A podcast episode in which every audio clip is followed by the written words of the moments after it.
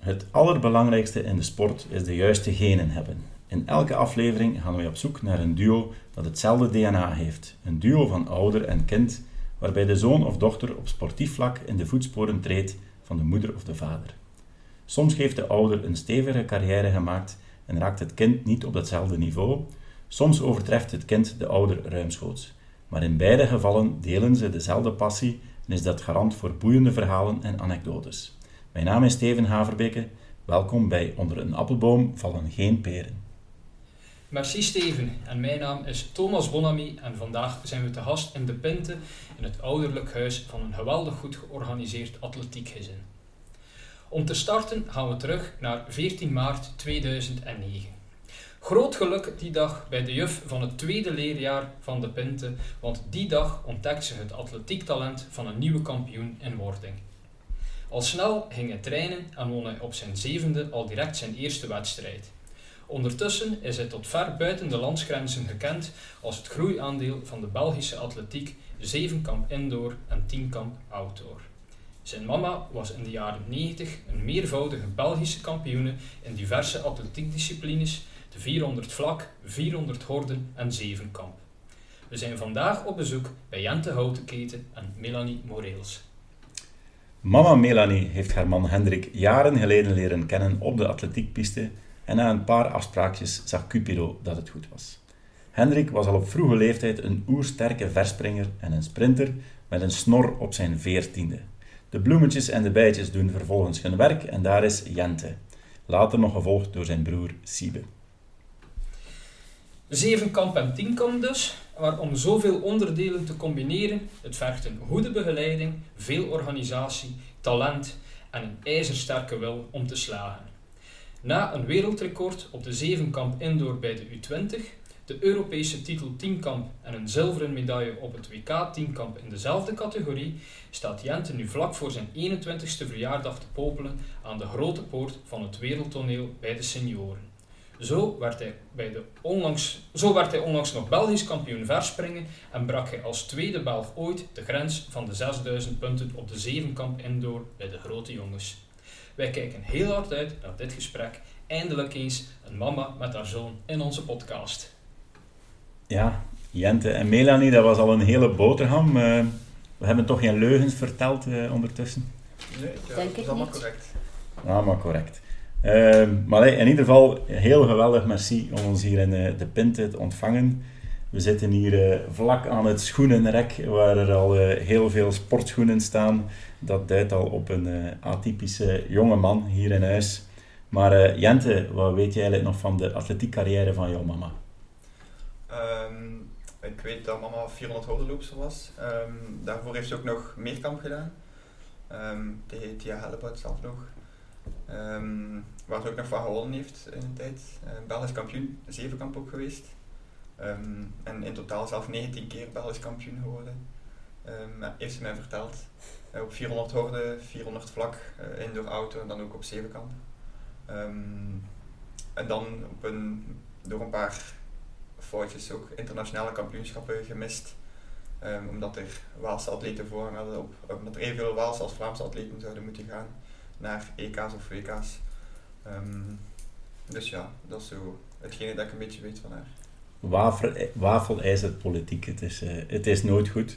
Maar uh, allee, we gaan hier uh, dan ergens in huis wel een heel rijk gevulde prijzenkast kunnen tegenkomen wellicht. Uh, maar Melanie, hoe ben jij dan eigenlijk in de atletiek terechtgekomen? Goh, eigenlijk was dat uh, een beetje uh, door mijn grootouders, vooral mijn opa dan. Um, op school was ik ook altijd wel in veldlopen wel vrij goed. En op, toen was nog NSVO, nu de MOVE-wedstrijd mee hebt met school, um, kon ik wel goed presteren. En mijn opa zei van, ik ga je een keer meepakken aan de cross. En dus wij naar Genbrugge, naar de cross. Uh, de fruitcross van Racing Gent. En um, ik stond daar aan de start. Iedereen gekleed, wel kort broekje, topje aan. Ik stond daar met mijn trainingsbroek, mijn regenjas, mijn muts, mijn handschoenen. En ik loop maar mee. En ik won. En uh, ik kreeg dan uh, een heel grote fruitmand op podium. En mijn opa zei van, ik je toch een keer vragen of dat jij hier niet kunt komen trainen. Want allee, ik denk dat hij dat wel goed gaat doen. Dus ik ben op die dag ingeschreven en zo ben ik mijn eerste stapjes in de atletiek gerold. Allee, in een totaal andere outfit. En omdat opa graag gratis appels en peren had, uh, En heb je dan uh, wel verder de- moeten gaan. in de podcast natuurlijk. En heb je dan, eh, heb je dan later ook eh, daar jouw man leren kennen op de atletiek? Eh, ja, op de atletiek ook. Eh we zijn dan van Racing Gent naar K Gent verhuisd. Ehm, en daar eh, heb ik hem zo wel een beetje in de gaten gehouden. En, eh, ja. In de haten. van, eh, van het een komt het ander. Een kleine crush. Dus hij had Ja. ook snel in de gaten dan. Eh, ik- ja, ik denk het wel. Ja. Er was een nieuwe groep die er kwam. bijna allemaal meisjes. Dus eh, ja, dat was wel... eh, Ik, ik weet niet van buiten hoe dat de verschillende stadia tegenwoordig noemen bij de jeugd, maar er zijn er verschillende stadia. Hè, tussen, Ja, ja. eh. Ehm, en wat voor atleet was hij, was Hendrik? Eh, een vrij krachtige, ehm, explosieve atleet wel. Ehm, en ja, en ik was nogal een, een vrij fijn meisje. dus, eh, en ja, ik kon heel goed sprinten en springen. Dus, eh, En, eh, we hebben ons laten vertellen oersterk, 180 à 200 kilo squatten, dat was geen enkel probleem, begreep ja, ik. Klopt, ja. Ik denk dat het zelfs meer dan 200 was. Ja, ik weet het niet meer. Ja. Dat zijn, Eh, dat zijn dingen Ja. die dan eh, inderdaad twee verschillende types en dat komt dan in één persoon samen. Ja. Eh, Melanie, als we kijken naar jouw, jouw lijst van jouw Belgische titels, dan zien we ook wel dat je wat meer allround was. Eh, was Ja. dat een bewuste keuze of hoe rol je daar eigenlijk in, in die combinatie van, eh, die je uiteindelijk maakt? Goh, initieel zag de trainer in mij, doordat ik met dat veldlopen zo wat begonnen was, meer type 800 meter. Ehm, maar ik had dat zo bij Philippe Gilson, die nu nog altijd training geeft onder andere, eh, ben ik daar terecht gekomen en die zag wel dat ik aandacht had voor horden. En dan zo stilgezet wat meer horden beginnen doen en 400. En ehm, aangezien dat de meerkamp vooral ook wel de loopnummers en, en springen en zo, waar ik wel goed in was, dan deed ik wel de meerkamp meer eigenlijk gewoon op het einde van het seizoen zo als extraatje van ik ga dat gewoon meedoen. En dan eh, toch twee keer Belgisch kampioen geworden op de zevenkamp. Dus eh, Als ja. je Tia Hellebout over de knie legt, dan eh, zit dat mooie adelbrieven. ja, maar Tia is wel een stukje jonger dan ik, dus ze heeft daarna wel haar, haar grote stap gezet. Dus, Zat iemand nodig om daarop te kijken? Hè? misschien, misschien, ja, ja, ik zal dat een keer vragen. En dan zit je op dat moment ja, als Belgisch kampioen natuurlijk ja, op, op Belgisch topniveau, zeg maar. Eh, als je dan kijkt naar een volgende stap, eh, als je het internationaal gaat bekijken, hoe, hoe verliep dat dan? Goh, ik was zo, ik was wel Belgische top, maar zo net de grote stap niet kunnen zetten naar zo die in- grotere internationale kampioenschappen en zo. Onder andere door wat Jente zei van, ehm weet je, Walen-Vlamingen, evenveel atleten. Ehm zo heb bijvoorbeeld Universiade Junioren, ik had de limiet, maar ik ben niet mogen meegaan. Ehm, dan voor het EK bij de grote dan ook, ook de limiet gehaald. Maar ook de stap niet mogen zetten, dus eh, ook om dezelfde reden. Dus dat was wel een beetje frustrerend. Dus, eh, Maar nu op de 400 bijvoorbeeld hebben we de Bel Belgian Cheetahs. Die worden begeleid tot en met. Eh, die zitten Ja. ook veel op social media, hè, hun looks en hun dansjes. Ja, had er in een tijd Belgian Cheetahs bestaan, had je daar dan eh, bij geweest, denk je? goh, misschien wel. Ja, Dus het is zo. als die entourage een beetje Ja. iets anders als de, de vibe van de Belgische atletiek op Mhm. die moment anders was. Ja, Meer, dan, allee, meer de, de huidige vibe, dan zat er misschien wel, eh, zat er misschien ik wel denk meer dat in. die kans wel groot was geweest, ja. En Jente, jij bent eh ja, tienkamper, of meerkamper. Ja. Eh, ook allround wil dat zeggen. Ik begrijp dat men in de atletiek bij de jeugd zowat een beetje alles doet, maar dat men dan in principe doorgroeit naar het onderdeel of de paar onderdelen waar men sterk in is. Ehm, vond jij dat geen specifiek onderdeel dat je echt wou doen? Of was het eerder van, hm, ik kan niet precies alles goed? Ehm, ja, dat begint met mijn allereerste wedstrijd was gewoon in 60 meter denk ik. Ehm, voor er een beetje in te komen eigenlijk in atletiek. En dan ja, een paar weken later zo af en toe wat meer wedstrijden, een keer verspringen, een keer kogelstoten. Ehm, een beetje van alles zo. Ehm, en ik was wel, vergeleken met de anderen kon ik wel mee. Ehm, maar zo winnen of zo, dat ging toen nog niet, want ik was nog maar net bezig. Maar dan was er zo, er kwam er een vierkamp, want in die tijd, voor die leeftijd is dat vier nummers dat maar doet. En op die vierkamp won ik dan. Dus dan zagen we wel van alle disciplines tezamen. Het zijn er veel die iets laten liggen bij een van die disciplines of, in één discipline maar echt sterk zijn. Ehm, maar ik liet nergens echt steken vallen, dus ik stond dan op uh, de hoogste schavot op het podium daar. Um, dus ja, zo wisten we wel dat ik van alles wat kon. Maar om nog specifiek, om, om als te specifiek voor meerkamp te gaan, dat was uh, die tijd, op die leeftijd dat niet echt de bedoeling. Want we echt vooral nog leuk blijven eigenlijk. Mm. En al beginnen focussen vanaf die leeftijd op, op echt alles uh, stap voor stap, uh, je beginnen trainen en zo. Dat is niet de bedoeling, dat is pas vanaf um, mijn 15, 16e begonnen. Mm -hmm. um, dus eigenlijk ja, 7, 8 jaar later dat we echt specifiek voor meerkamp zijn beginnen trainen en een schema gemaakt voor de verschillende disciplines, op welke dag dat ik welke discipline ga trainen. Um, dus ja, dat is in het begin dat vooral voor de leuten dat je wedstrijden doet. Um, maar totaal niet specifiek of zo. Dus dat is eigenlijk nog maar, als ik het goed hoor, nog maar drie, vier jaar dat je eigenlijk specifiek op meer kan trainen.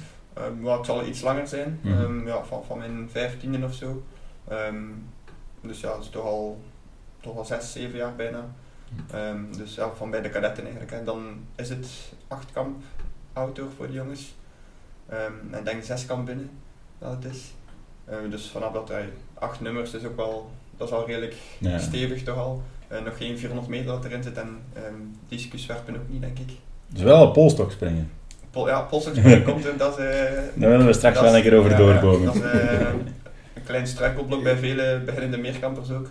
Mm. Dat dat bij de jeugd er niet in zit en dan opeens bij de kadetten komt daar polstok bij. Mm. Dus ja, je kunt niet denken van oké, okay, ik word kadet, ik ga nu polstok beginnen trainen, moet eigenlijk al een jaar of, een jaar of twee ervoor beginnen. Van want anders, ja, ja. ja, anders haalde bijna geen punten daarop ook. En, uh, zijn er veel die stoppen met meerkamp omdat ze polstok niet Ja. kunnen eigenlijk. En je spreekt van vier kampen, dat het daar eigenlijk allemaal ja, begon, of zeker bij de jeugd ook. En welke, welke vier disciplines worden daar dan... eh, Ehm, ja, in de jeugd is eigenlijk telkens een andere ehm vierkamp. Dat is een keer 60 meter ah ja, dat zijn geen verspringen. vaste... Nee, maar wel Nee. een, loopnummer, een springnummer en een werpnummer. En dan iets van afstand erbij. Dat was 600 meter toen maar. eh, Ja. Bij de Benjamins is dat in Pupielenhoek. En dat is telkens een ander. Als je geluk hebt zit er een goed nummer voor u bij. Maar ik was wel explosief en ik heb nu ook wel... ehm, op mijn eerste dag van mijn tienkamp is ook wel eigenlijk mijn betere. En dat is ook de 100 meter, het verspringen, het hoogspringen, wat ook toen in die meerkampen zat. Waar ik nu ook wel iets beter in ben dan de disciplines op de tweede dag. Ja. Mhm. Daar gaan we straks een keer eh, uitgebreid Ja. over gaan. Hè. Eh, en dus Melanie, jij deed atletiek, je man deed atletiek. En toch hebben wij begrepen uit onze voorbereiding dat het de juffrouw, juffrouw Wendy van het tweede leerjaar was. eh, die eigenlijk op het oudercontact misschien gezegd heeft, die, eh, die Jente die loopt wel rap, eh, die heeft wel iets. Ehm, ja, hoe komt dat dat, dat, dat er eigenlijk dan de juffrouw ontdekt heeft en jullie als atletiekmensen dat nog niet opgepikt hadden? Ja, we hadden het eigenlijk wel al een beetje opgepikt, want hij was denk ik nog maar jaar of vier, vijf, als hij thuis al regelmatig wel naar atletiek keek op televisie. En dan ehm Hendrik meepakte naar buiten, papa wil jij voor mij ook eens hordetjes maken, want ik wil dat ook eens proberen. Dus Hendrik had kleine houten hordetjes gemaakt in de tuin gezet en dan liep hij van de voorkant van de tuin over de hordetjes naar de achterkant en weer terug over de hordetjes. En eh, dat vond hij wel super. Dus, zat er eigenlijk maar de leerkracht zei ook wel van, we zien wel op school ook zo'n tikkertje op de speelplaats dat hij echt wel snel is. Dus, eh, daar is het eigenlijk wel. Het, het verhaal dat ons gebracht was, of dat we ergens opgevangen hadden, was iets overdreven. Dus, Mooi eh. wel, ja. maar jullie waren dus zelf al uit de atletiek verdwenen op dat moment. Eh, wij waren toen al, eh, ja, ik ben gestopt in 98, een jaar Mhm. nadat we getrouwd zijn. Hendrik heeft nog één of twee jaar verder gedaan. Dan hebben we volleybal gespeeld om gewoon even gewoon uit die atletiek te zijn. Mhm. Dat was van, ik heb ook maar één blessure gehad en dat was de blessure waardoor ik in 98 gestopt ben met atletiek, Achillespees. Ehm, nog altijd een pijnpuntje bij mij. Ehm, en ja, het was echt het was genoeg geweest. En ehm, ja, dan worden we gewoon even eruit. En dan gevolleybald. eh en dan aan kinderen begonnen. En dan, ja, als hij een beetje groter was, terug erin gerold. Ja. Dus, eh, ja. Maar in een andere rol dan op... eh, op dat moment? Initieel eerst als ouder gewoon. Ja. eh, dan hebben we gewoon een beetje begeleid naar wedstrijden toe. En dan hebben ze aan ons gevraagd, van, zou het niet zien zitten, jullie met ervaring, willen jullie geen trainer worden? En zo stap voor stap ja, Meegegroeid. alle dagen training geven. En dus ja. Eh, en Jente, ja, meerkamper, eh, in mijn ogen, als ik die mannen bezig zie, dat zijn eh, de goden van de atletiek, maar eigenlijk ook eh, een beetje de wakko's eigenlijk. En ik denk of ik hoop dat eh, de luisteraars van deze aflevering, eh, die minder vertrouwd zijn met atletiek, dat, als ze dit horen, dat dat ook een beetje zeggen, jongens, dat zijn, dat zijn eigenlijk wakko's.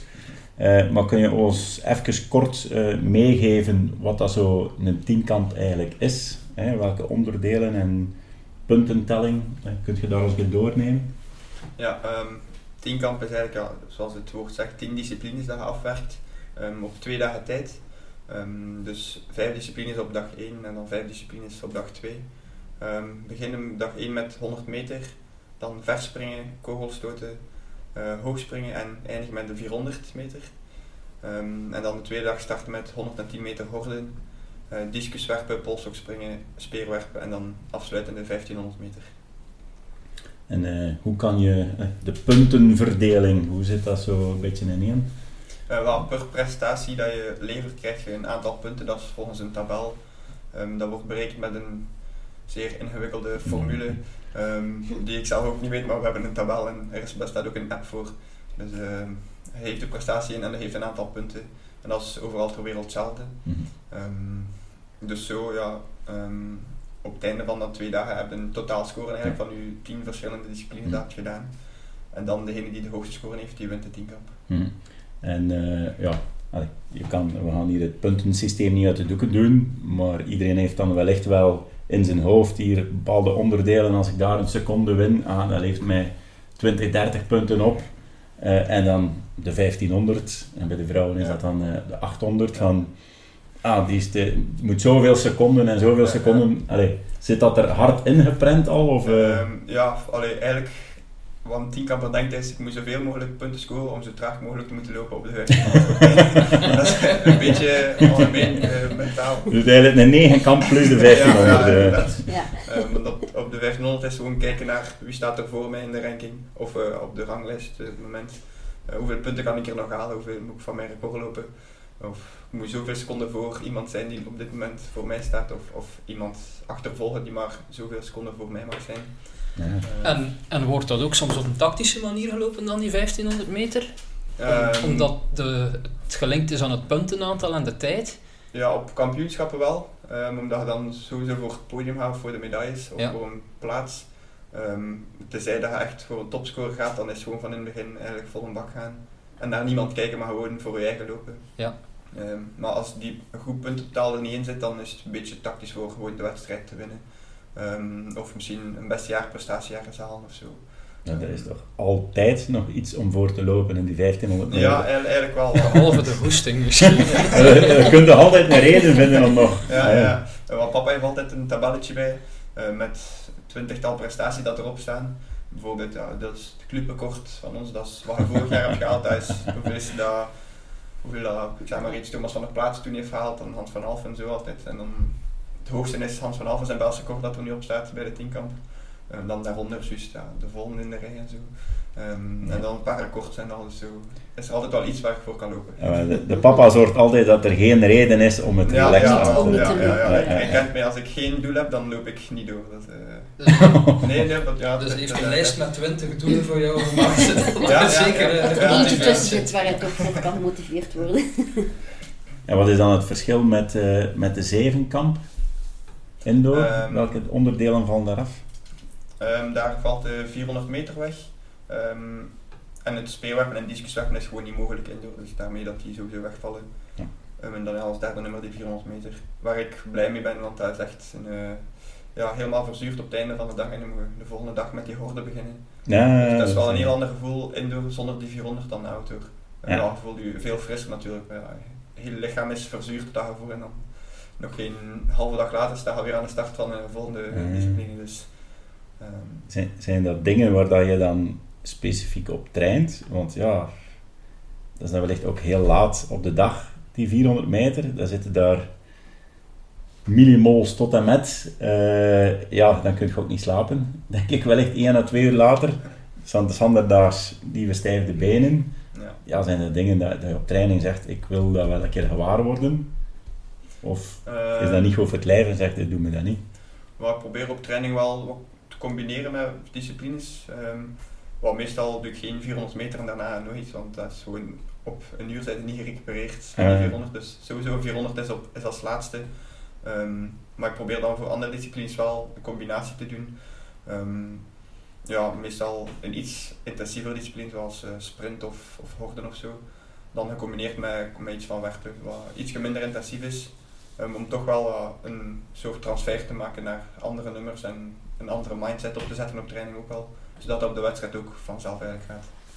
Is dat dan voor, vooral voor allee, de dag, laten we zeggen, door te komen dat je zegt, ja, ik doe verschillende disciplines en ik ga het één spierstelsel niet te hard, allee, ik ga die dingen combineren?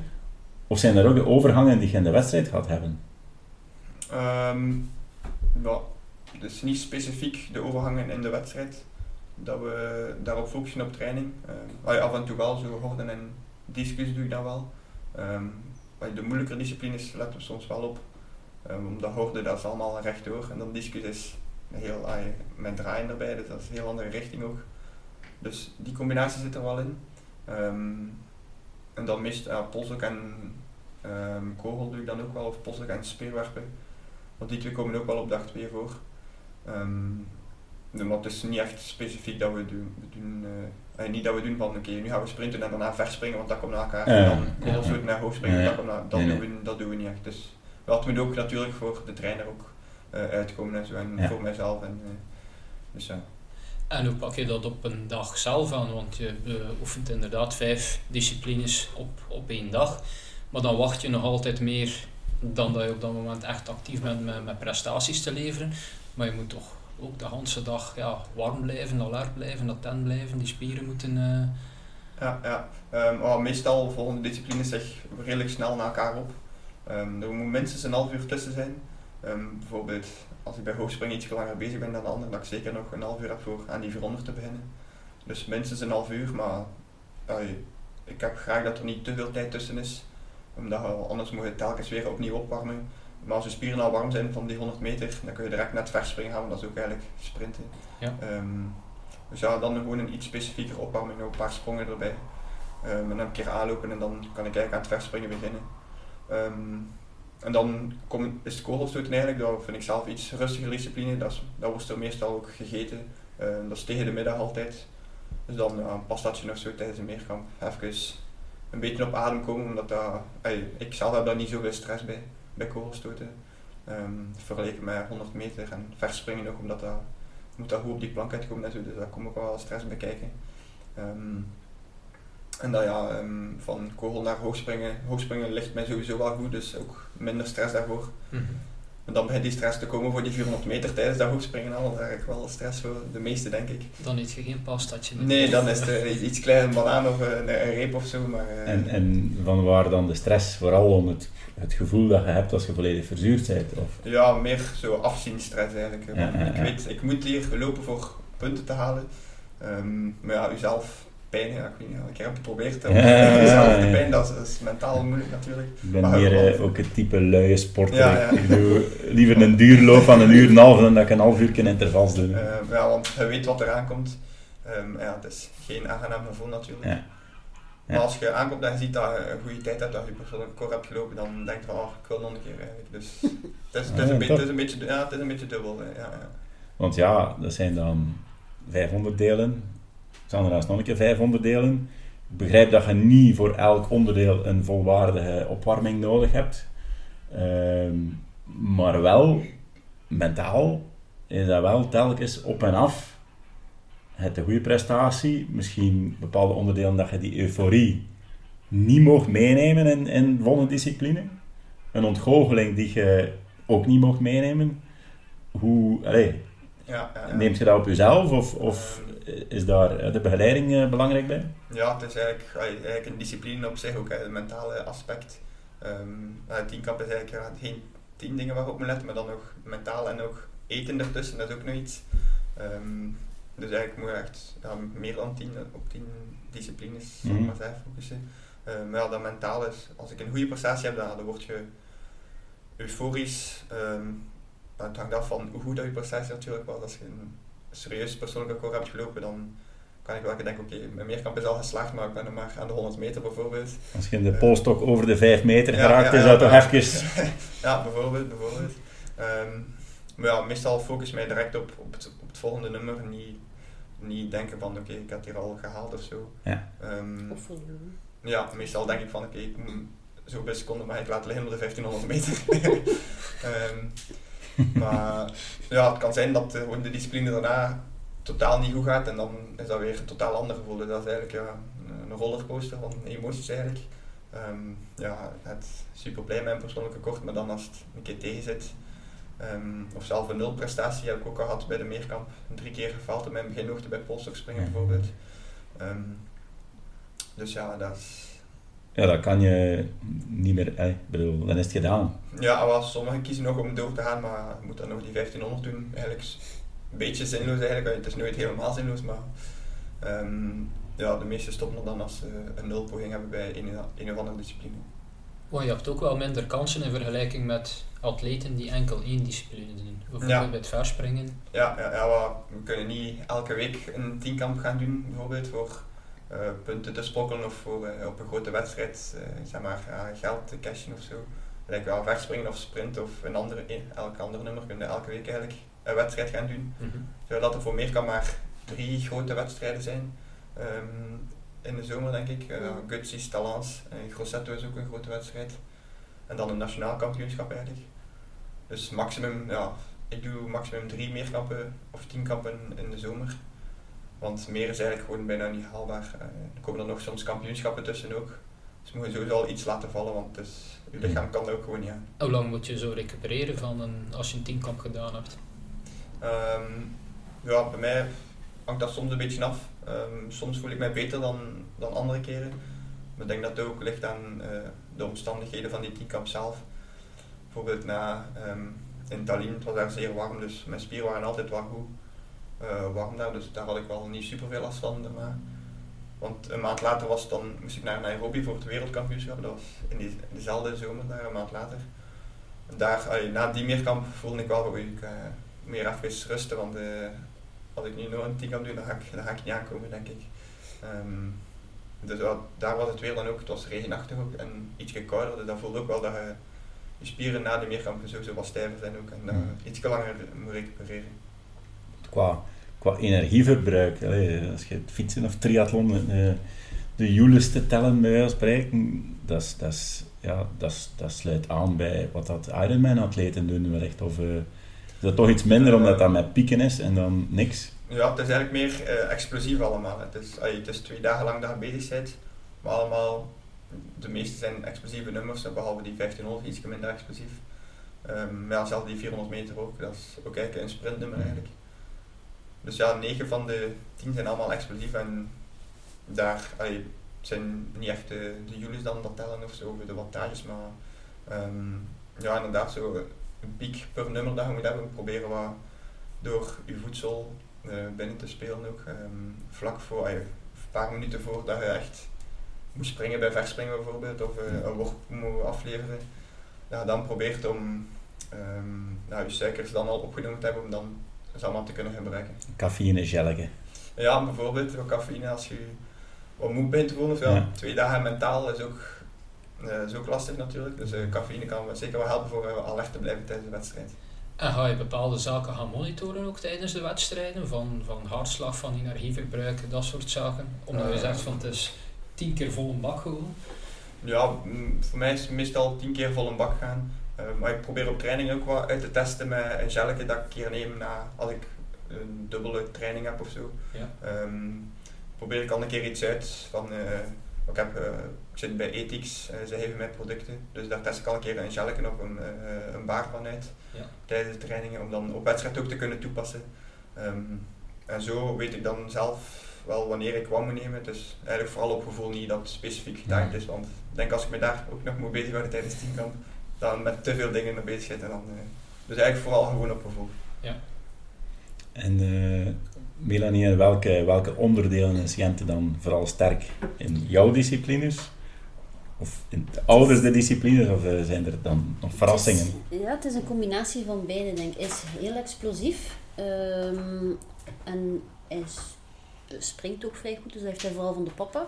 En dan ehm, de horden en vooral de lenigheid en zo heeft hij dan van mij. Dus dan zit hij wel al een paar nummers goed in de meerkant. Mhm. Dus ehm, ja, is, ja, is echt wel een allrounder.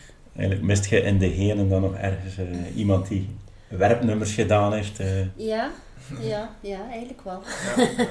Ja. en dan tienkamp tegenover zevenkamp. Dus die, die discus en die speer. En dan die 400. Ja. Die je wellicht wel redelijk kan, maar niet zo graag doet. Wat ligt jou dan het beste?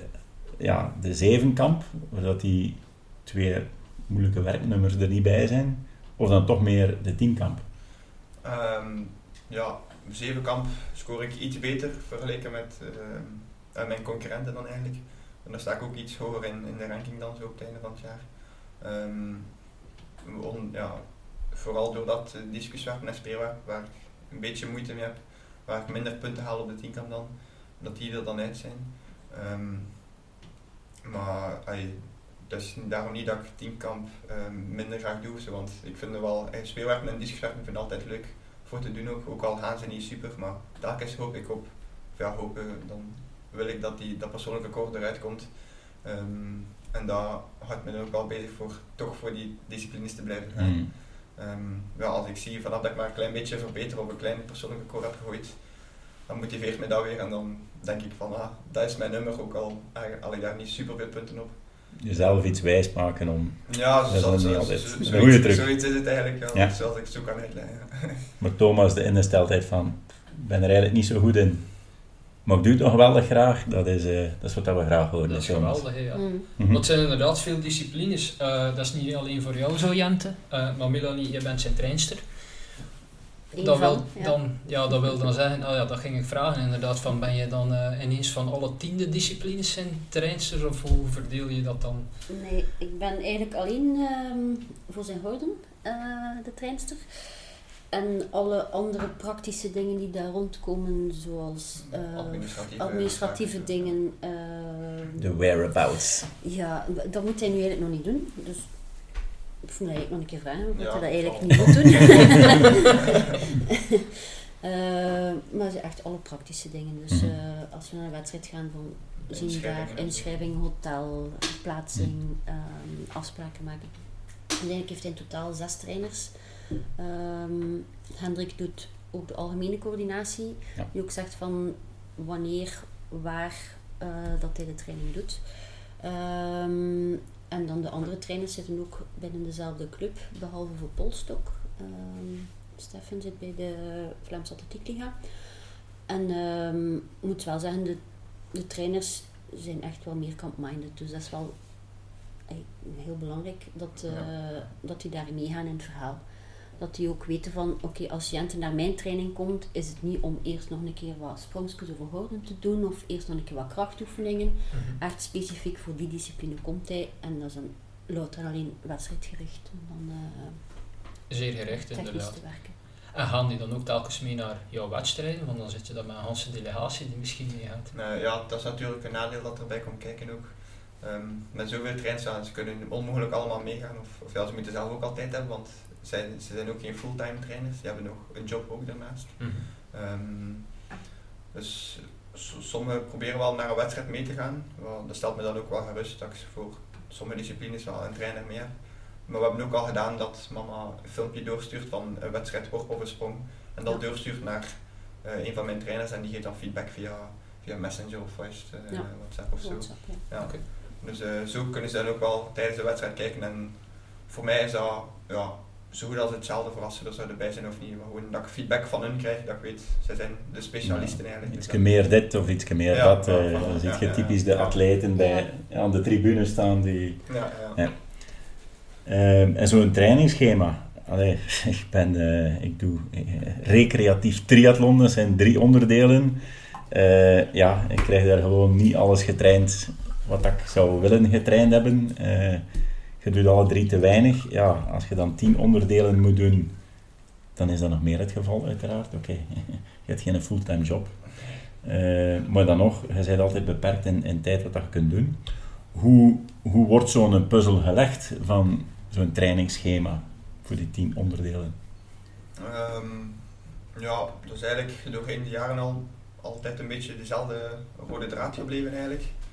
Ehm, ehm, in het begin wordt daar gelegd en papa kijkt of overlegt met de andere coaches van welke dag dat je kan, welke discipline komen doen, want mijn coaches geven, niet, dat is niet altijd privé-training dat ze geven aan mij, dat is meestal met andere specialisten erbij dan eigenlijk. en eigenlijk passen wij ons eigenlijk aan aan hun uren. Mhm. Dat wij kijken van de disciplines dat papa mij heeft, dan uh, sprint, verspringen, uithouding en kracht. Dus eigenlijk passen wij die dan aan aan de uren van dat de trainers, uh, wanneer ik geen training heb voor andere disciplines waar ik andere trainers voor nodig heb. Dus zo is, nou, mijn week ziet er niet altijd helemaal hetzelfde uit, maar soms verschuiven een paar dingen naar een andere dag. Um, maar dat wordt niet zo verslaan eigenlijk. Dus. dus elk onderdeel passeert elke week wel minstens één keer? Um, af en toe valt een keer een onderdeel weg. Um, omdat bijvoorbeeld het wedstrijd is geweest of omdat dat de laatste tijd wel goed gaat, dat we een keer kunnen overslaan en dan focussen op een andere discipline bijvoorbeeld. Um, dat is een tijdje zo met verspringen geweest, dat ging allemaal redelijk vanzelf. Maar vorige zomer en nu, mijn eerste wedstrijd in de winter was, ging het eigenlijk totaal niet meer bij verspringen. Um, of ja, totaal niet meer. Het was een paar dingen dat niet klopten in mijn aanloop en de afzet en zo. Dus hebben we een keer extra aandacht aan besteed. En nu twee weken geleden op de, op de BK'le categorie heb ik verspringen gedaan en dat ging opeens weer stukje beter.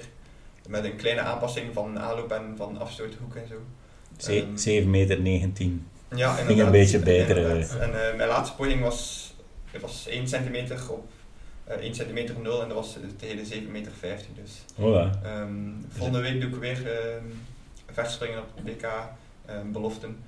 Dus ik hoop dat ik dan tegen die 7 meter 40, 45 en misschien dat merkwoord 57 kan springen. En hoe gaan andere atleten daar dan mee om, vraag ik me af. Want ik kan me inbeelden dat er bijvoorbeeld in het verspringen wel jongens zijn die daar dagdagelijks mee bezig zijn en, en zeggen van kijk dat is echt mijn specialiteit en, en, en hier ga ik 100% voor. En dan komt er daar zo'n meerkamper tussen wandelen die, die er ook wel goed in is en die misschien een kwart of, of 20% van de trainingsarbeid echt specifiek daarin steekt.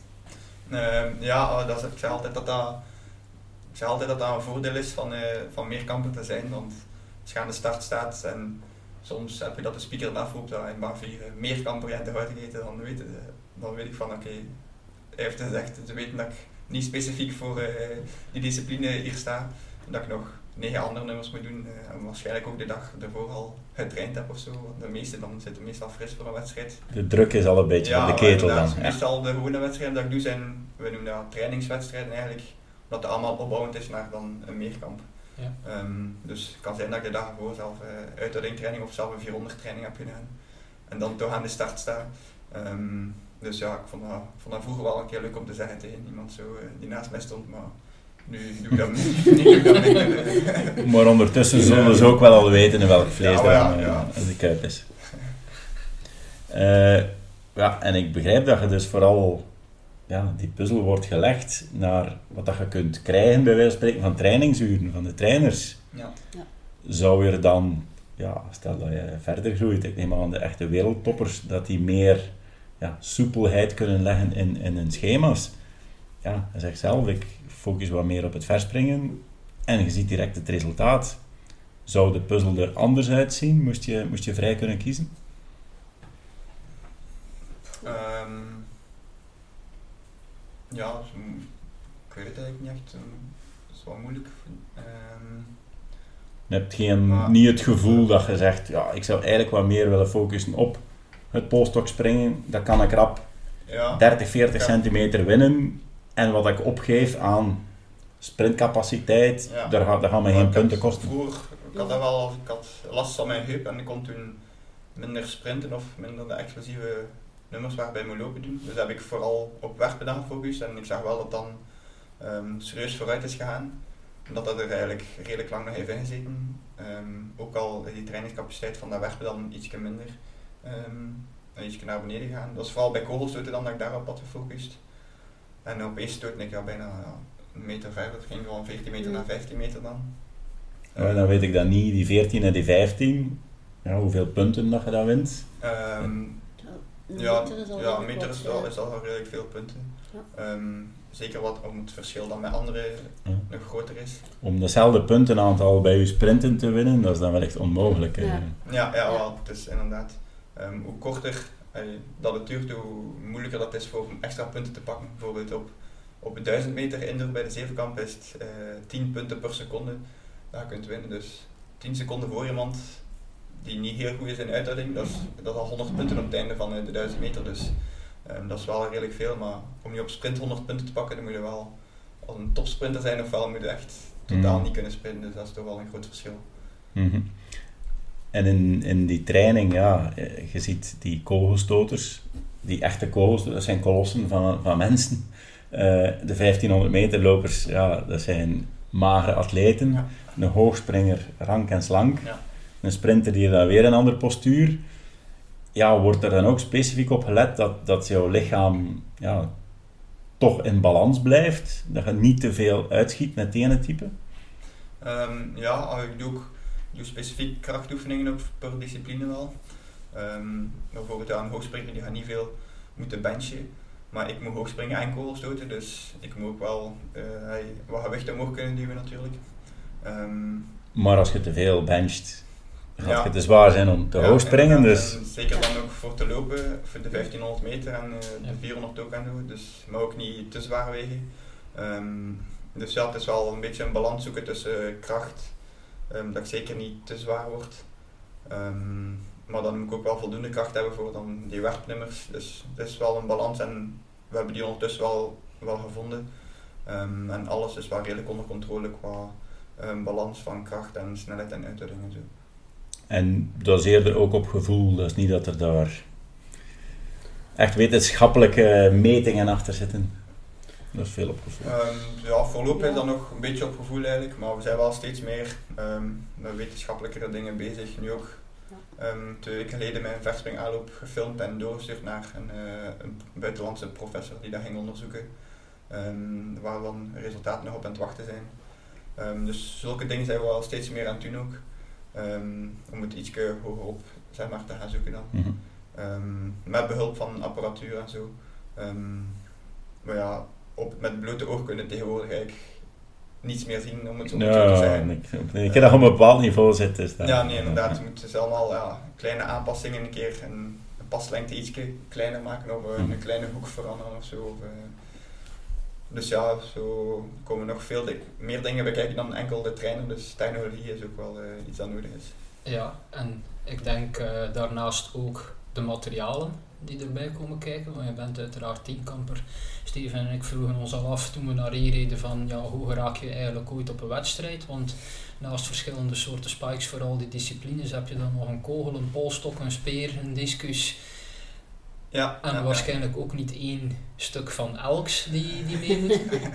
Nee, inderdaad. ehm, ja, Met de camion. We hebben geluk dat we met, Ja, een een- grote met een auto. Volkswagen Caddy rijden, dat, eh, dat er redelijk veel in past. Ehm, ja, de polstokken liggen sowieso op het dak. Ehm, ja, ik heb ook meer dan één polstok nodig. Ik heb, denk dat ik gemiddeld vijf tot zeven polstokken meepak naar de wedstrijd. Sorry, die heb ik niet allemaal nodig, maar dat hangt ook af van eh, de omstandigheden. Als, als het tegenwind is, dan ga je natuurlijk geen zware stokken kunnen gebruiken. Ehm, die je wel kunt gebruiken als het meewind is bijvoorbeeld. Ehm, of ja, of andere omstandigheden. Ik heb, er zijn ook meewindsperen en tegenwindsperen. Oké. Ehm, dus ja, dat is misschien ook nog iets nieuws. bijleren. Ja, voilà. Dus ja, ik pak sowieso van elk zin mee. En dan zie ik op de wedstrijd zelf eh, wat de omstandigheden zijn. Ehm, en ja, eh discussen ook. Ik heb ook twee verschillende discussen. Ehm, die hebben ook een ander soort...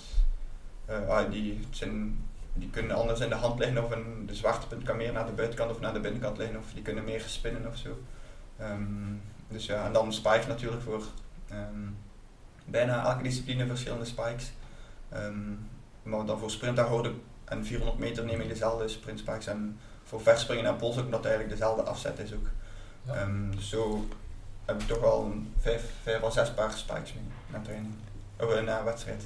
En, en de mama doet de praktische regeling. Als je vertrekt naar een wedstrijd, we hebben hier eh, een jonge gast, een jonge gast van 20 jaar die dan misschien een beetje chaotisch is, is dan de mama die het lijstje afloopt en de rust bewaart. We hebben alles mee. Ja, sowieso. Ehm, ik probeer ook wel zo dingen al wat klaar te leggen, like magnesium of zo, van die toestanden. Laatst is ze naar een wedstrijd geweest, postdokwedstrijd, en ik kreeg dan een berichtje, heeft zijn magnesium niet mee. Gelukkig is er dan ook iemand als DM-train bij Polstok die wat dat wel magnesium kon gebruiken, maar zo dingen. Maar dat is magnesium voor in de handen te wrijven, dat is niet magnesium. eh. Nee, nee. Dus zo'n dingen probeer ik wel op te vangen, en Mhm. zodat hij ehm, niet te veel moet focussen op de bijkomstigheden. Dat hij maar meestal als ze iets klaarlegt, dan mag ik er zelf niet aankomen aan mijn eigen grief. Omdat eh, in haar hoofd eh, allemaal van die in mijn rugzak moet zitten of in mijn, in mijn Ja. sporttas. Dus ik moet dat eigenlijk laten doen, eh, om het zo te zeggen. Ja, dat is voor de rust van ons allebei. En dan weet je dat het goed loopt, inderdaad. Dus inderdaad, de mama vult de gaten op en de Ja, mama ja, ja. zorgt van... eh, Maar ja, het zijn er veel, eh, ja, het zijn er wel polsstokken. veel op training die zeggen van, oh, mama heeft je zak gemaakt zeker. Maar ik zei, ja, ik mag er niet aankomen, dus dat kan, ik niet aan doen. ja. Ja, voor het buitenland is het vooral eh, meestal het probleem met de polstokken dat we niet elke vliegtuigmaatschappij wil ze meepakken. Dus eh, dan probeert de Vlaamse Atletiekliga ook een beetje van ons wat souplesse te vragen. Dat we dan, ik zeg maar, naar Parijs rijden met de polstokken. Dan we bijvoorbeeld voor het eh, WK heeft papa dat gedaan, is met de auto naar Parijs. Vandaar dan het vliegtuig genomen als in Brussel niet worden vertrekken. Hij konden vertrekken richting Op Nairobi. die manier, ja. Dus eh, dat zijn zo wel dingen die... eh, Ja, en ik zit soms te vloeken als ik in een triathlon vertrek van... eh, waarom doe ik mijn eigen dat aan?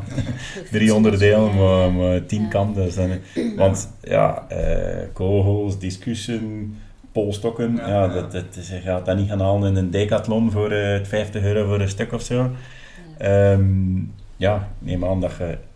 Ofwel is dat een enorme financiële inspanning, maar allee, ik zie hier veel Adidas. Ik, zie, ik eh, begreep dat je een Adidas-atleet bent. Eh, het financiële plaatje, dat moet je niet uit de doeken doen, maar qua materiële hulp, hè, heb je daar nog ja, andere partners die jou helpen in materiaal? Ehm, ja, ik heb wel een aantal sponsors ook die mij eh, financieel en ook met materiaal helpen. Ehm, eh, ik krijg polstokken van eh Pacer zelf, dat is een merk van eh polstokken. Ehm, dat we dan via Amosport ook regelen. We hebben nog geluk dat Amosport eigenlijk redelijk in de buurt is in Zottegem, waar we via hun contact kunnen leggen. Met, in, Amerika zit niet eigenlijk Pacer, dus zo, dat duurt toch nog enkele maanden dat die stokken dan op maat zijn voor mij of in bestelling zijn of vermaakt zijn. Ehm, en dan ja, bij Ethic zit ik ook voor de voor producten dat ik krijg, ehm, shakes en baars en ehm, van allerlei ja, stoffen dat ik nodig heb voor eh, eh, optimaal te kunnen presteren. dat is een gemak, want daar kun je ook ver in gaan. Ja, ja, ja, Ja. inderdaad. En dan nog, nog een aantal sponsors, eh Capadata, Assaalblooi, Nagelmakers. Ehm, en ik zit ook bij Big Gold, dat is een project van Sport Vlaanderen, die eh, beloftevolle ehm, atleten ondersteunt naar ehm, Parijs 2024 eigenlijk. En eh, inderdaad, Adidas, we mogen dat vermelden. Hè. We- Ze gaan ons hier nergens niet doodschieten. Sponsor van deze show. Sponsor van de show, ching ching. Maar eh, ja, het viel mij op, maar misschien is het geen item, dat je eigenlijk jouw wedstrijden aflegt met een redelijk losse broek. Terwijl de meeste atleten zie ik toch met een aansluitende broek. Ehm, Is dat een eh, vaknummer. Ja, of voor sprint en horde, ehm met 400 meter gebruik ik sowieso een aansluitende broek.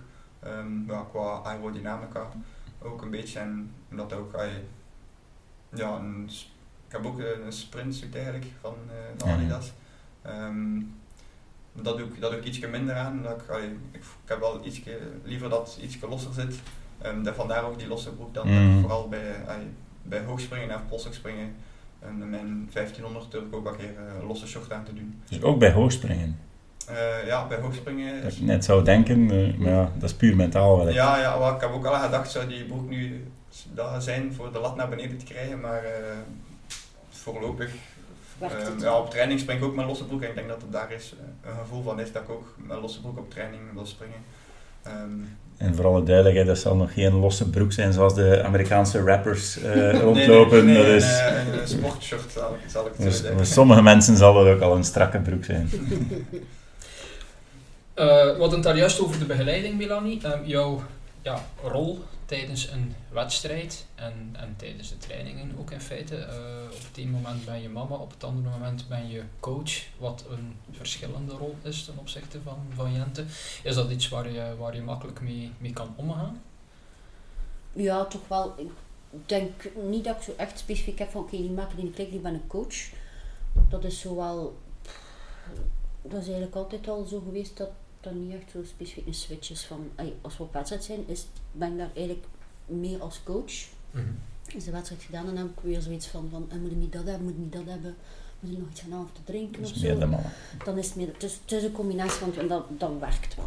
Het is een continu Ja. switchen eh, Ja, tussen... ja, eh, ja. Het is tussen ook meer geëvolueerd eigenlijk. Eerst van, van mama naar langzaamaan coach eigenlijk. En dan Ja, zo eigenlijk zo wat opgebouwd naar de Ja. combinatie van de twee. Niet dat opeens van, ah, Nee. opeens is het hier coach mama, maar eh, en ja. dus bij de papa eigenlijk hetzelfde. Ja. Dus, Mhm. eh, ja.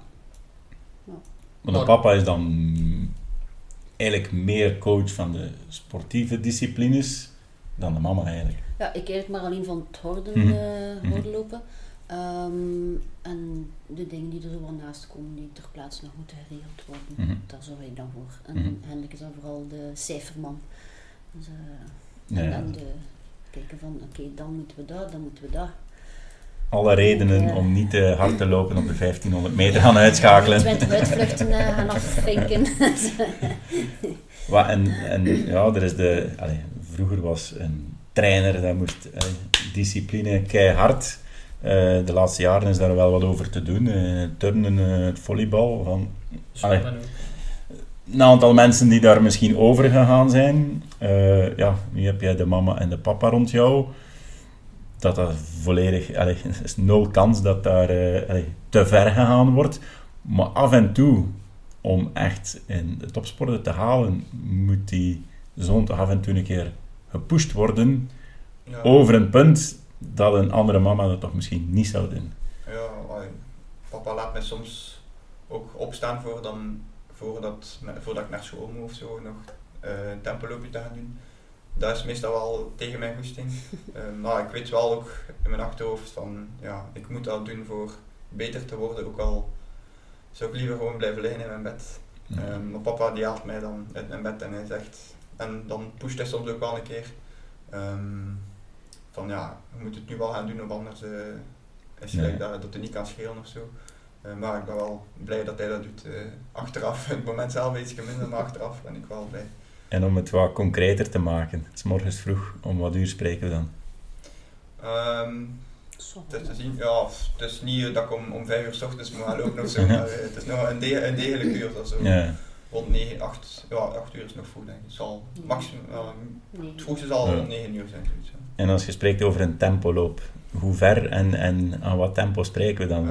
Uh, hallucinante snelheden ongetwijfeld. In mijn ja, ik leefwereld. doe, f- voor de 1500 heb je natuurlijk ehm, eh, ja, uitdaging nodig, maar je moet ook wel wat in verzuring kunnen gaan. Dus ik doe wel verschillende tempolopen. Ehm, meestal is dat op maandag rustig, ehm, lang en rustig, ehm, voor echt aerobe capaciteit. Ehm, dan op woensdag dat, dan En lang en rustig, wat betekent dat voor een, een tienkamper? Ehm, joggen om in te lopen en dan daarna misschien een iets sneller tempootje, wat wel redelijk. dat, eh, dat bouwt op van een kwartier tot dan eigenlijk een half uur dat, ik- dat ik loop. En, dat dat en, en joggen, en joggen in jouw woorden is 11, 12 per uur. Joggen is iets getrager nog. Nog trager, Ja, maar de lange tempo is al rond 12 per uur en 12, 13, Ah, misschien oké. 14. Ja, zoiets, eh, oké, ja, ja. Ik ben nog altijd geen afstandloper, nog altijd Mhm. meerkamper, dus ehm, Ja, maar ja, die 1500 meter loopt je toch aan eh, bijna 20 per uur. Ja, ja, dat zal 20, 21 per uur zijn. Ehm, en daarom dat ik dan de woensdag ook tempo's doe. Ehm, tempo's zijn dan iets, zijn wel redelijk snel, maar dat is zo drie, vier of vijf keer ehm 600 meter of zoiets. Mhm. Om een voorbeeld te geven, dat dan wel aan iets sneller dan wedstrijdtempo zal zijn. Sneller dan wedstrijdtempo. Ja, en wedstrijdtempo is 2021. Thomas, gaan we, gaan we een keer meedoen? Dat is dan meestal achter, eh, achter papa, die op zijn fiets eh, rijdt. Ehm, ja, hier in de buurt rond de blok loopt hij dan altijd. Ehm, dus ja, ik weet niet, mensen in de pinten mij misschien als die lopen hebben of zo achter de fiets. Ehm, maar dat is dan wel een redelijk stevig tempo. Ja. Soms dat ik dan fietsers voorbij steek als ik aan het lopen ben, dan, dan, dan vind ik zelf motiverend ook.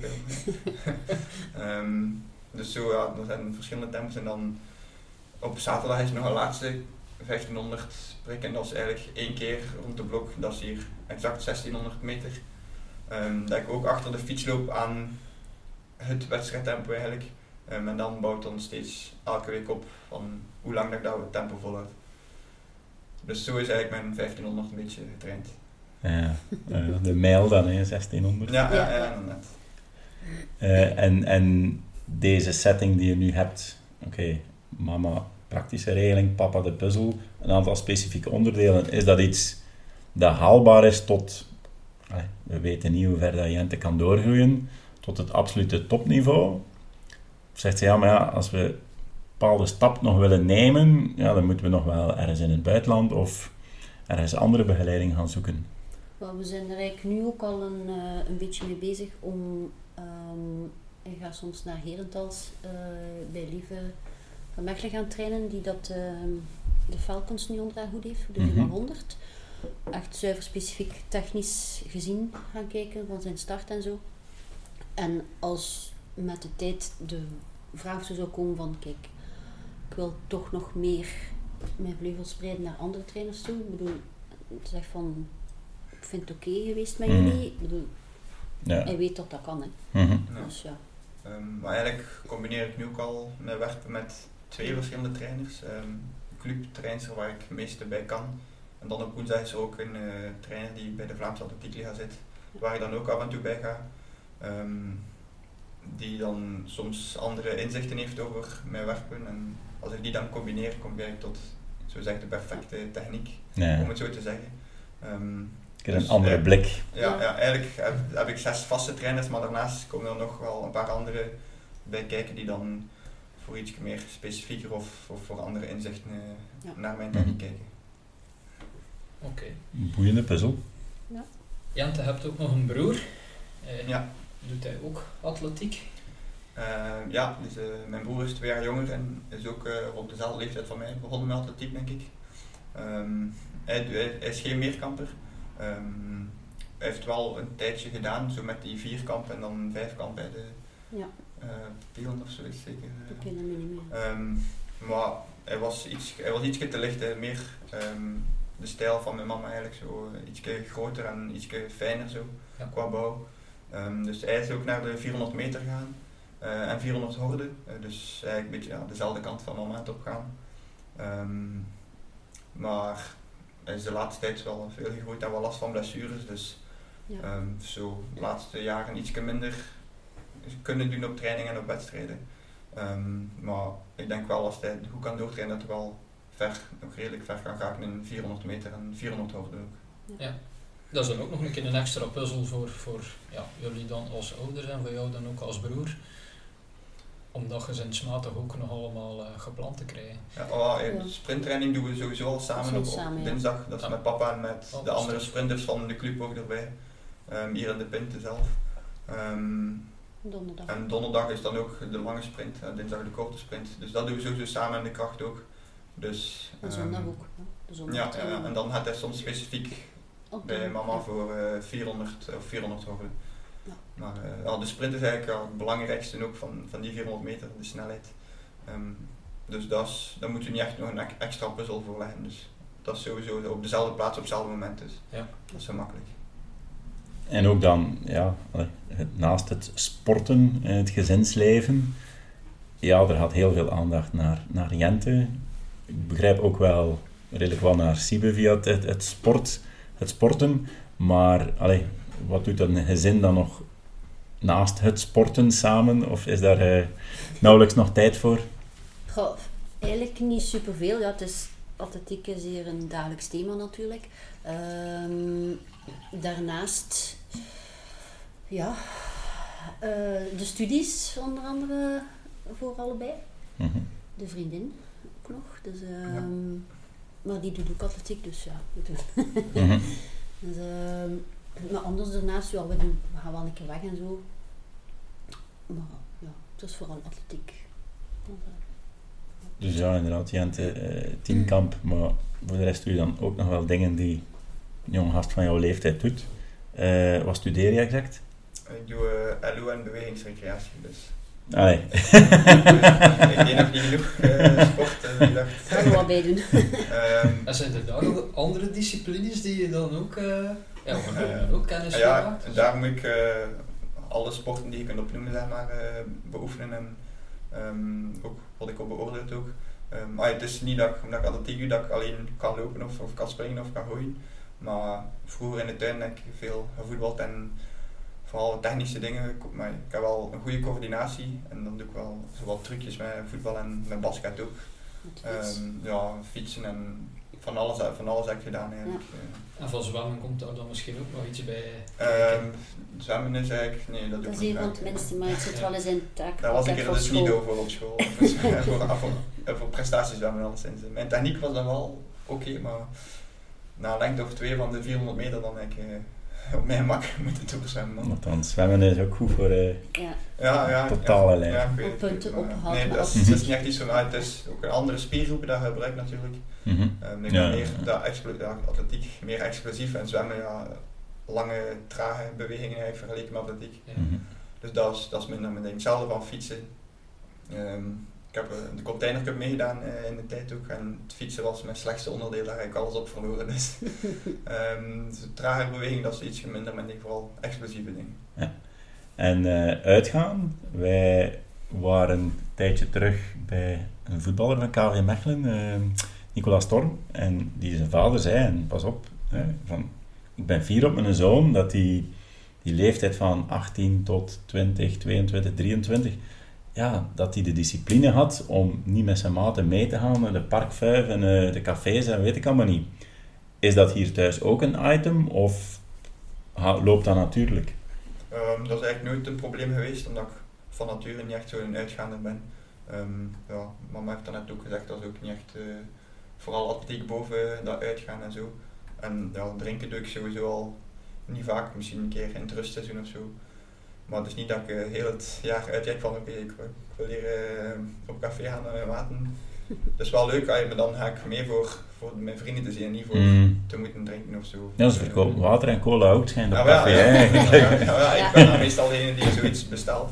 Ehm, ja, in het rustseizoen misschien een keer naar Overpoort of zo, gaan, maar voor de rest in het jaar is eigenlijk niet. Mhm. Dat is eigenlijk, eigenlijk gemakkelijk, want allee, ik moet mij daar zelf niet tegenhouden of, of anderen moeten mij ook niet tegenhouden. Of, eh, Nee. ik durf wel een keer nee zeggen tegen vrienden die uitgaan of zo. Dus. Ja. En dus eigenlijk, eigenlijk geen item. Dit. Nee, en dat strookt ook wel denk ik met de ambities die er misschien nog zijn op korte en op middellange lange termijn. Hoe ziet dat eruit in, in, in jouw hoofd? Wat zijn de, de doelen die je graag nog zou bereiken op dat vlak? Ehm, ehm, van de zomer zijn er wel een paar ehm, belangrijke wedstrijden. Ehm, het EK U23, ehm, daar ga ik de limiet wel voor halen waarschijnlijk. Eh, 7600 punten, dat moet sowieso wel lukken. Ehm, dus daar, ja, het is, we zitten met een zeer sterke lichting meerkampers eh, bij de belofte. Man- mannen van mijn leeftijd en ook nog een jaar ouder, die eh, kunt ofwel staat op het podium ofwel kun je even goed zevende worden. Dus, dus zo'n lichting eigenlijk. Dus, ah, ja, maar dat maakt het ook wel spannend. Dus daar kijk ik wel naar uit ook voor die mannen nog een keer terug te zien ook. Ehm, en dan ja, ik ben nu eh, bij de senioren ook. Ehm, dus er komen ook wel kampioenschappen aan voor bij de senioren. Ehm, Ik denk van de zomer is het WK Ja, ook denk ik. Ja. Ja. Ehm, dus, maar tegenwoordig is het allemaal via ranking, dus ik hoop dat ik met, als ik gutjes kan meedoen en nou misschien BK ook, dat ik daar punten kan sprokkelen voor dan goed in de ranking te staan, voor eh, te mogen meedoen aan het WK. Ehm, en dan sowieso mij goed in de ranking zetten voor de wedstrijden die de volgende jaren eraan komen. Met ook ehm, ja, 2024 eh, Parijs hopelijk. Ja, direct gezien de rechtstreekse limiet, die ligt Ja, als Ja. vrij hoog, maar ik begrijp dat er ook wel als veel je de atleten rechtstreekse kunnen. limiet haalt, dan staat er waarschijnlijk op podium of zeker in de top Ja. 5. Dus, eh, Ja, maar ze doen dat bewust zodat ja, mensen vooral de wedstrijden gaan doen voor punten voor die ranking te kunnen spotten. Dat ze sowieso naar Gutjes gaan of naar Talans of Grosseto of zo. Dus, eh, Dus we moeten eh, niet verwachten dat we ergens op sport zouden zien. Jente Houtenketen haalt de Olympische limiet. Het zal eerder eh, via de ranking zijn. Ja, ja. Of, of zit daar op een jaar tijd nog wel een progressie? dus... Eh, Wel, bij Meerkamp als alles goed, eh, als alles samenvalt, de puzzel van de Meerkamp, dan kunnen wel topscores uitkomen. Ehm, maar of- nu als ik al mijn persoonlijke records optel, dan zit ik aan 8300 punten ongeveer. hmm. Dus ja, dat is nog een keer 150 punten erbij dat ik dan tijdens die Meerkamp zelf zou moeten mijn record verbeteren. Ehm, ja, ofwel 20 seconden snel lopen op die 1500 meter, maar daar ben ik niet direct van plan. 20. dat is mentaal ook eh, heel al zou het gaan. Ja. Gaan we niet doen. Dus ja, wel, de ranking heeft natuurlijk voor- en nadelen ook. Mhm. Er staat er wel een paar jaar goed mee voor, om geselecteerd te worden voor kampioenschappen. En als je dan een keer een minder jaar hebt, gelijk ik vorig jaar, heb ik een rugblessure gehad, Mhm. waar ik Gutsies en Talans gemist heb.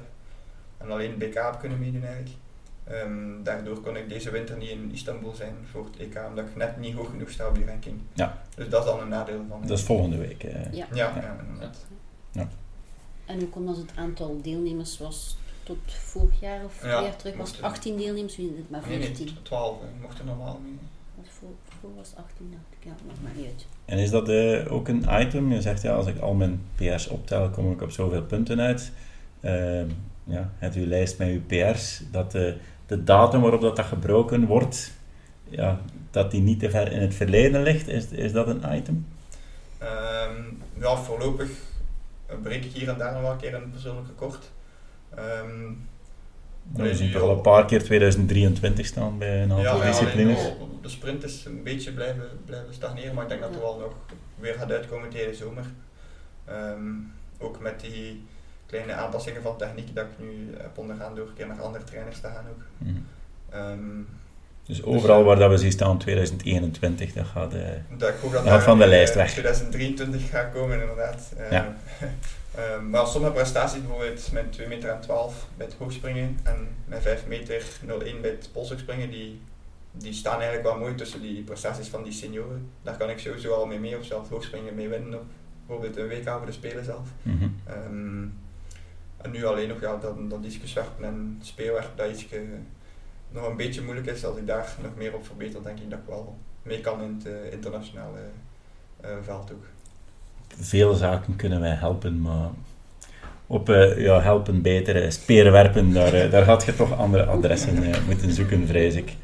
Ehm, en ja, het is stil aan tijd om, eh, om het gesprek te gaan afronden. Ik denk dat we wel even over het uur zitten. Ja, klopt Steven. Ehm, ja, we zijn ons netwerk een beetje aan het uitbouwen. Hè. Wij zoeken eh, interessante duo's ouder-kind.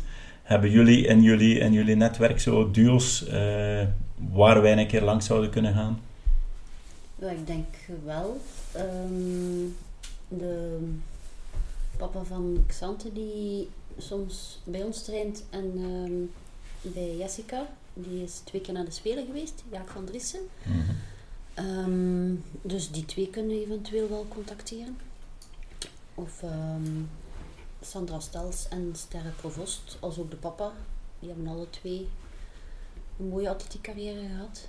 Dus, eh, Ehm, en nog een eh, afsluitend vraagje. Als Jente nog een keer een geweldige prestatie doet, mag die daar gaan vieren in eh, de Saint-Trop in Lorette Maar?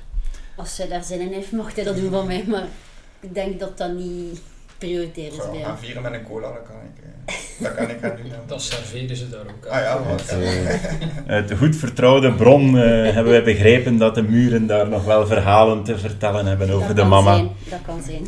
Maar dat is hier niet voor publicatie vatbaar. Dat Nee. zal voor eh, na de opname zijn eh, en we zullen het niet verder vertellen.